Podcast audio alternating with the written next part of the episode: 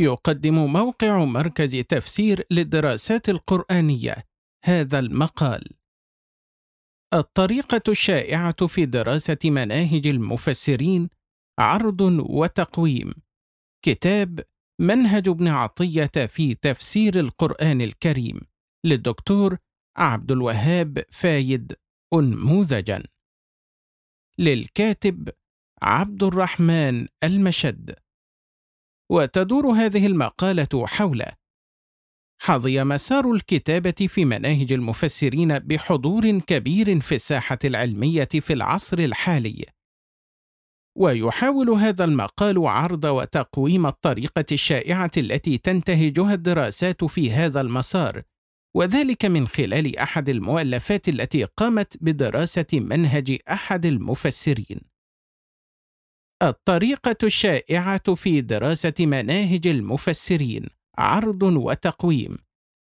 كتاب منهج ابن عطية في تفسير القرآن الكريم للدكتور عبد الوهاب فايد أنموذجا. مدخل.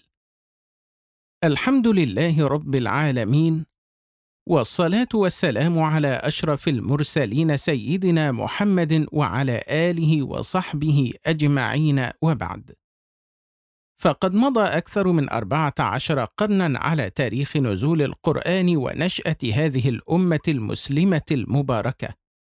وقد أثمرت هذه القرون تراكما معرفيا كبيرا من المؤلفات في شتى أنواع العلوم ومنها حقول الدراسات القرآنية المتعددة ومن أبرز حقول الدراسات القرآنية والتي تدور حوله جميع حقول هذه الدراسات وتخدمه حقل تفسير القرآن الكريم. وقد تنوعت كتب التفسير وتعددت مسالكها وطرقها فأضحت دراسة مناهجها أمرا ضروريا لمعرفة الطرق التي أبدعت هذه التفاسير. وللوقوف على مسالك مؤلفيها ومنطلقاتهم التي أسسوا عليها هذه الكتب. وميز هذه المصنفات ومعرفة وزن كل كتاب منها ومتابعة السير في سبيل نهضة هذا العلم وتطويره. وقد حظي مسار مناهج المفسرين بحضور كبير في الساحة العلمية في العصر الحالي، إما بالتأليف الجامع أو بالتأليف الخاص لدراسة منهج تفسير معين، سواء بدراسة منهجه دراسة شاملة أو دراسة لمنهجه في قضية محددة.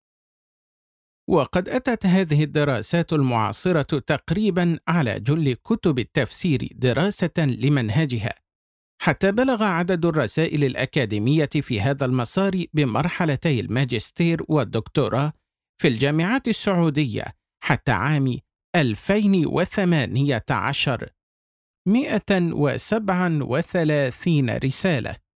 وبلغ عددها في الجامعات المغربية حتى عام 2005 65 رسالة. وبلغ عددها بإحدى كليات جامعة الأزهر وهي كليات أصول الدين حتى عام 2020 أكثر من 60 رسالة ماجستير ودكتوراه. وعلى الرغم من شيوع هذه الطريقة وانتشارها إلا أنها لم تحظى بدراسات كلية تسائل أحوالها وتنظر في منطلقاتها وتختبر جدواها وتقيمها بصورة مكتملة. ولا شك أن دراسة هذا النتاج في مناهج المفسرين أمر شاق وصعب. ولذا سنسلط الضوء على هذه الطريقة الشائعة في دراسة مناهج المفسرين من خلال أنموذج معين. فذاك أدعى لبلورة ملحوظات تجاوز النقد العام للطريقة وهو كتاب منهج ابن عطية في تفسير القرآن الكريم للدكتور عبد الوهاب فايد. وستنتظم المقالة في قسمين القسم الأول لعرض وبيان الطريقة الشائعة في مناهج المفسرين والقسم الثاني لنقد وتقويم الطريقة الشائعة في مناهج المفسرين، وذلك بعد تمهيد حول طريقة دراسة المناهج بشكل عام وسبب تقييد اشتغالنا في نقدها بكتاب دكتور فايد.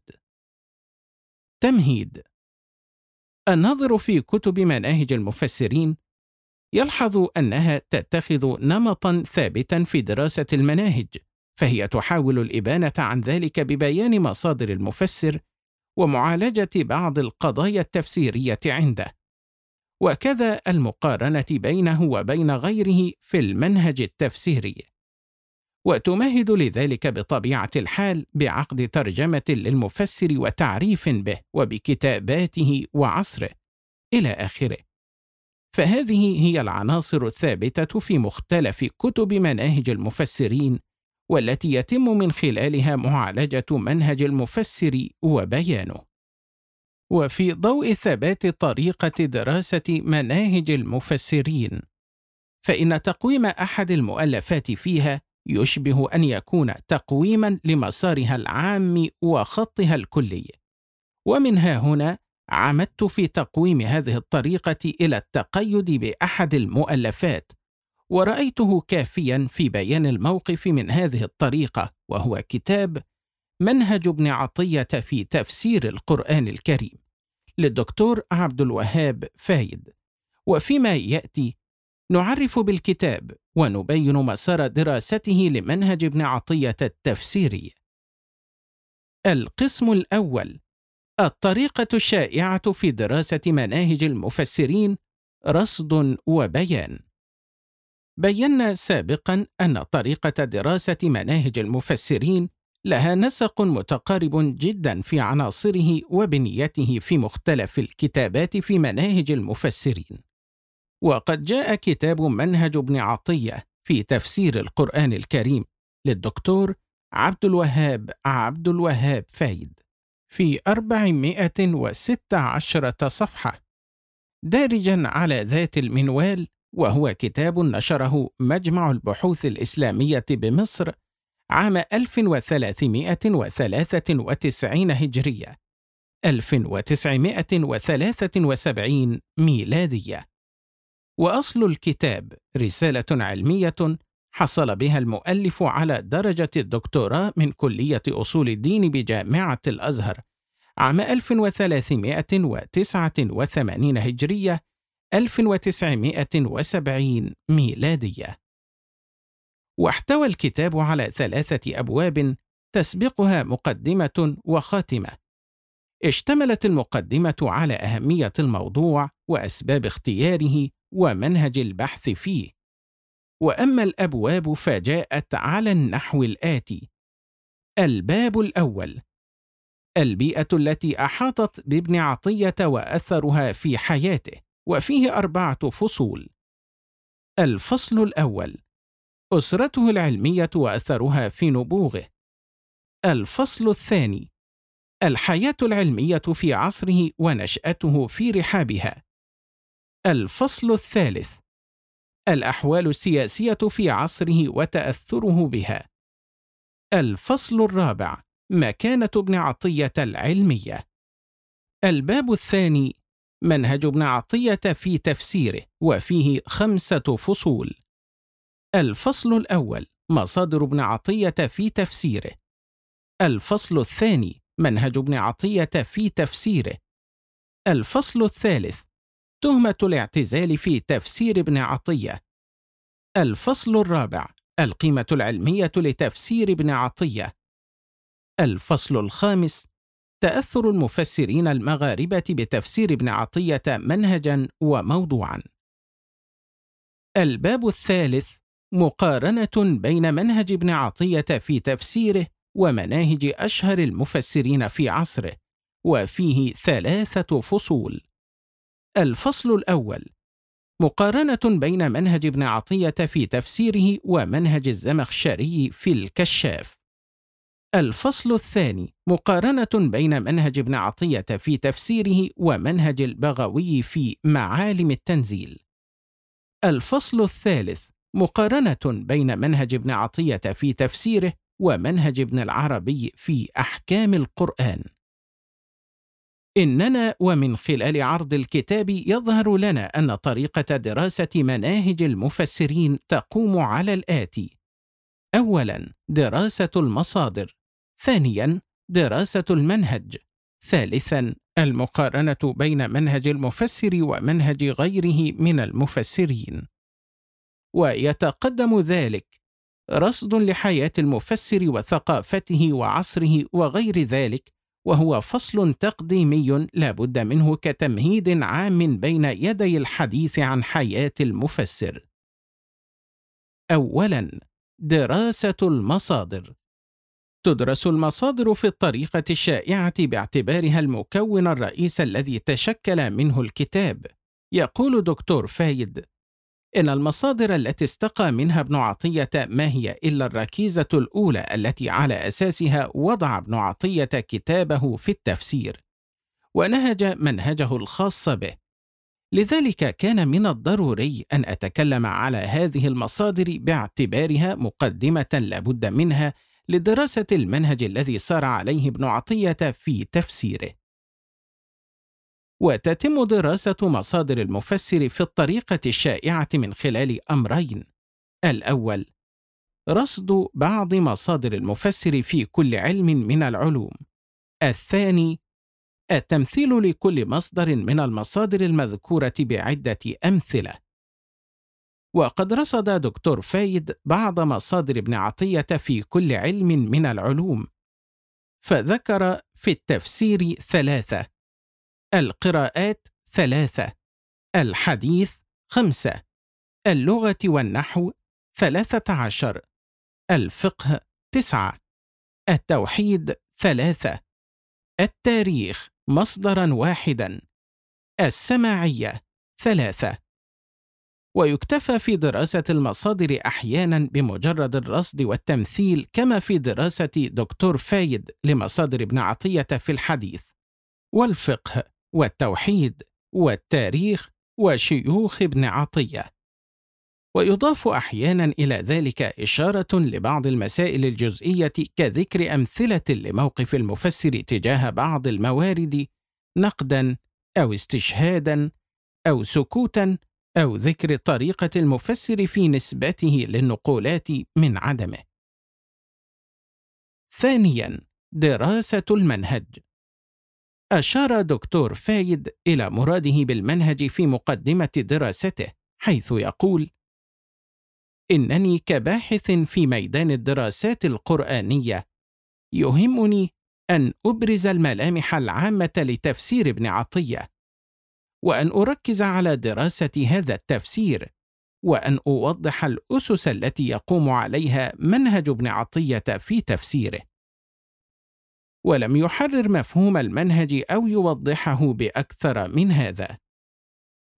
فبين إذن أن دكتور فايد يعني بالمنهج إيضاح الأسس التي يقوم عليها منهج المفسر، وقد زاد ذلك وضوحا في تقدمة الباب الثالث من الكتاب حيث قال: تكلمت في الباب السابق أي الثاني عن منهج ابن عطية في تفسيره، وشرحت الأسس التي يقوم عليها هذا المنهج.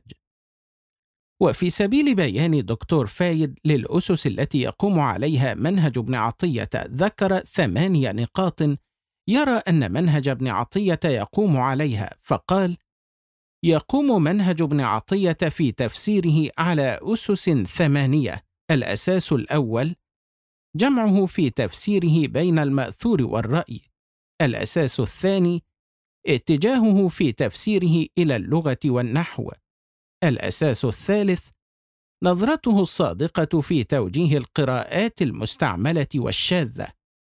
الأساس الرابع مسلكه في عرض الأحكام الفقهية. الأساس الخامس حيطته في الأخذ بالإسرائيليات. الأساس السادس محاربته للتفسير الرمزي والقول بالباطن. الأساس السابع رأيه في إعجاز القرآن الكريم. الأساس الثامن إقلاله من الأسرار البلاغية في تفسيره. ثم فصل بعد ذلك هذه الأسس والدعائم. وطريقة دكتور فايد في بيان هذه الأسس الثمانية أنه يفرد كل أساس بمبحث خاص ويتناوله بالدراسة من خلال إطار موحد مع جميعها يذكر فيه ثلاثة أمور وهي: الأول التقديم للأساس بمقدمات نظرية. الثاني بيان موقف ابن عطية من بعض القضايا المتعلقة بهذا الأساس. الثالث الاستشهاد بأمثلة من تفسير ابن عطية على هذه القضايا. ثالثا المقارنة بين منهج المفسر ومنهج غيره من المفسرين. بعد أن تدرس المصادر والمنهج في الطريقة الشائعة، يتم الانتقال إلى المقارنة بين منهج المفسر ومنهج غيره من المفسرين لمزيد من إيضاح منهج المفسر وتبيينه. يقول دكتور فايد: تكلمت في الباب السابق أي الباب الثاني عن منهج ابن عطية في تفسيره وشرحت الأسس التي يقوم عليها هذا المنهج. ولما كان المنهج التفسيري يزداد وضوحا وجلاء وبيانا بالمقارنة بينه وبين غيره من مناهج التفسير الأخرى رأيت أن أعقد هذا الباب للمقارنة بين منهج ابن عطية في تفسيره ومناهج بعض المفسرين في عصره. وعند هذه المقارنة يتم تناول مساحات التشابه والافتراق بين موقف المفسر وموقف غيره من المفسرين في القضايا المذكورة عند دراسة منهج المفسر. مع ضرب الأمثلة من هذه التفاسير لبيان ذلك. وقد عقد دكتور فايد مقارنة بين تفسير ابن عطية وبين ثلاثة من المفسرين وهم الزمخشري. توفي سنة 538 هجرية. والبغوي. توفي سنة 516 هجرية. وابن العربي. توفي سنة 543 هجرية. وذكر في هذه المقارنة أوجه الاتفاق والاختلاف بين ابن عطية وبينهم في الأسس الثمانية التي ذكرها عند دراسة منهج ابن عطية وذكر أن منهج ابن عطية يقوم عليها. ومن خلال دراسة هذه الأمور الثلاثة المصادر والمنهج والمقارنة عند المفسر وفق الآلية التي ذكرناها تعتبر الطريقة الشائعة أنها بذلك قد بينت منهج المفسر وزادته تحريرا عبر مقارنته مع غيره من المفسرين. القسم الثاني الطريقة الشائعة في دراسة مناهج المفسرين نقد وتقويم. قمنا في القسم الأول بعرض وبيان الطريقة الشائعة في دراسة مناهج المفسرين من خلال دراسة الدكتور فايد لمنهج ابن عطية في تفسيره، وفي هذا القسم نقيم هذه الطريقة.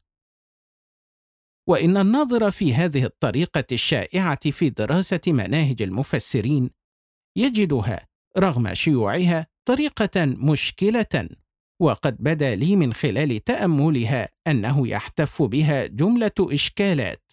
أبرزها اولا عدم الالتزام بمفهوم المنهج. ثانيا تحكيم بناء نظري مشكل في فهم واقع الكتب التطبيقي ثالثا غياب المنهج الإحصائي. وبيان هذه الإشكالات كما يأتي اولا عدم الالتزام بمفهوم المنهج. إن الطريقة الشائعة في دراسة مناهج المفسرين لا تلتزم بمفهوم المنهج أصلا. وقد بينا في القسم الأول من المقالة أن مفهوم المنهج عند دكتور فايد يقوم على دراسة مصادر المفسر ودراسة منهجه والمقارنة بينه وبين غيره.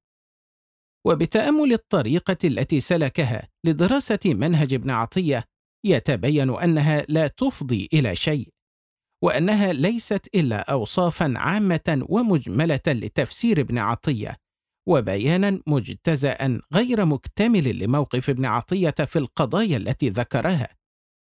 إن عدم الالتزام بمفهوم المنهج في الطريقة الشائعة لدراسة مناهج المفسرين يلجئ هذه الطريقة إلى أن تستعيض عن الدراسة الفعلية للمنهج وإنتاج التفسير عند المفسر بدراسة بعض القضايا التي ليس لها أثر في بيان منهج المفسر، ومنها الأولى: الحديث عن القيمة العلمية للتفسير وتقييم المفسر علميًا.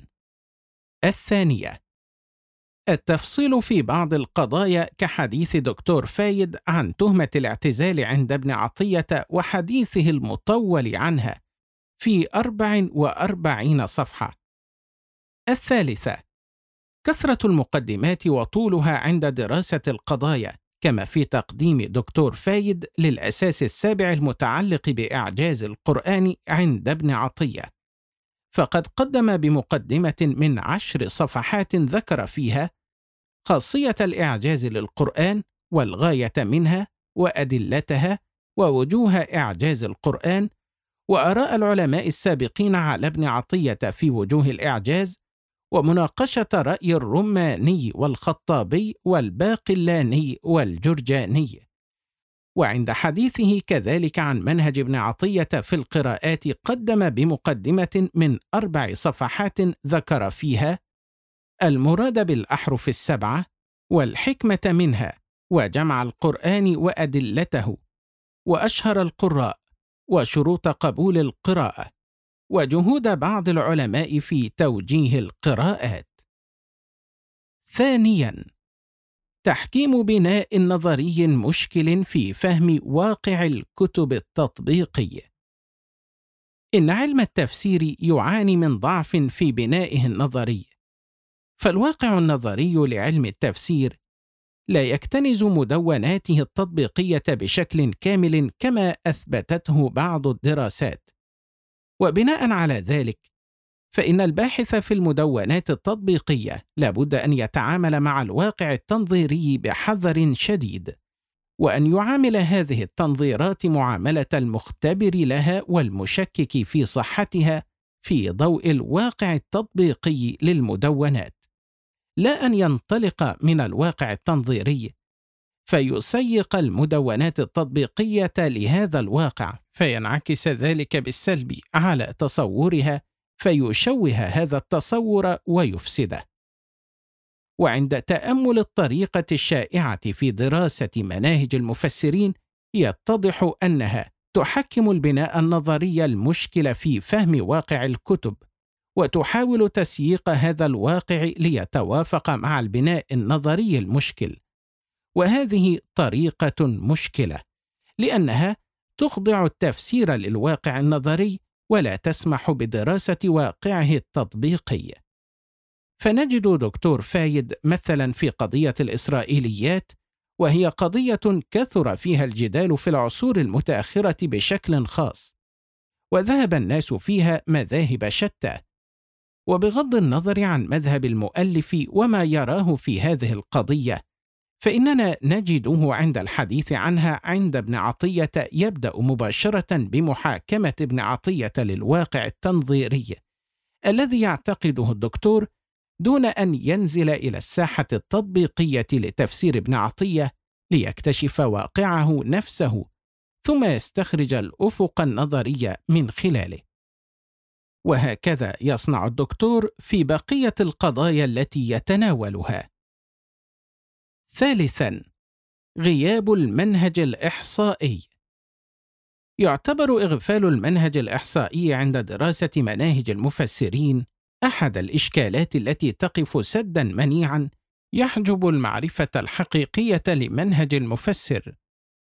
وينعكس إغفال هذا المنهج بشكل سلبي على بيان منهج المفسر فيكون الاعتماد في بيان منهجه قائما على الانتقائية والملاحظة.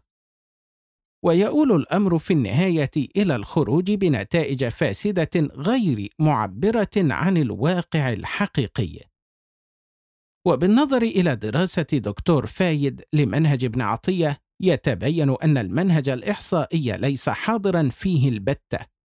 وهذا إشكال ينعكس على جميع نتائج الدراسة حتما بالسلب. وقد كان من الطبيعي جدا أن يغيب المنهج الإحصائي عن هذه الدراسة، نظرا لأن الطريقة الشائعة في دراسة مناهج المفسرين لا تدرس التطبيقات أصلا بشكل منهجي سليم، فلذا لم تبرز فيها المناهج الخاصة بعملية الإحصاء لاختلاف منطلقها. فهي معتمدة كما بينا على سرد أطر وصفية بشكل عام وقد أدى غياب المنهج الإحصائي إلى فساد هذه الطريقة الشائعة. ومن خلال ما سبق يبرز لنا إشكال الطريقة الشائعة في دراسة مناهج المفسرين، وأنها لا تفضي لدراسة حقيقية وجادة لفهم هذه المناهج والإحاطة المعمقة بها. خاتمة. قمنا في هذه المقالة بعرض وتقويم الطريقة الشائعة في دراسة مناهج المفسرين من خلال كتاب منهج ابن عطية في تفسير القرآن الكريم للدكتور عبد الوهاب عبد الوهاب فايد. وذلك من خلال قسمين. قمنا في القسم الأول بعرض وبيان هذه الطريقة فاستعرضنا أبواب وفصول الكتاب محل الدراسة وبينا مفهوم المنهج عند المؤلف والآليات التي سلكها في سبيل بيان منهج ابن عطية في تفسيره. وقمنا في القسم الثاني بنقد وتقويم هذه الطريقة وبينا أبرز الإشكالات التي اعترتها والتي تتلخص في ثلاثة إشكالات رئيسة وهي عدم الالتزام بمفهوم المنهج. تحكيم بناء نظري مشكل في فهم واقع الكتب التطبيقية. غياب المنهج الإحصائي. وقد خلصنا إلى أن هذه الطريقة الشائعة في دراسة مناهج المفسرين لا تفضي إلى شيء وأن منهج المفسر لا يتبين من خلالها وأنها طريقة تضع اطرا وصفية عامة حول بعض القضايا في التفسير وبيان موقف المفسر منها بصورة مجتزأة غير مكتملة وأنها طريقة تتحكم فيها تنظيرات مشكلة ولا تعتمد على دراسة التطبيقات داخل التفسير نفسه. ولهذا فإن هذه الطريقة مشكلة وتحتاج لتطوير وإعادة بحث في كيفيات النهوض بها حتى تكون أكثر دقة في ضبط مناهج المفسرين وتقديم صورة حقيقية عن هذه المناهج. وفي ضوء أهمية هذا الموضوع أدعو المراكز والمؤسسات البحثية إلى العناية بهذا الموضوع حيث إنه مسار معرفي له حضور كبير في الجامعات فالعناية به وبضبطه ضرورية وملحة حتى نقف بشكل حقيقي على المناهج العلمية التي صنعت هذا التراث الإسلامي النفيس. ونعرف قيمة هؤلاء الكبار من علمائنا معرفة حقيقية لنتأسى بهم وننهض بهذا العلم الشريف. وصلى الله وسلم وبارك على سيدنا محمد وعلى آله وصحبه وسلم تسليما كثيرا. استمعتم إلى مقال. الطريقة الشائعة في دراسة مناهج المفسرين عرض وتقويم. كتاب منهج ابن عطية في تفسير القرآن الكريم للدكتور عبد الوهاب فايد أنموذجا. للكاتب عبد الرحمن المشد.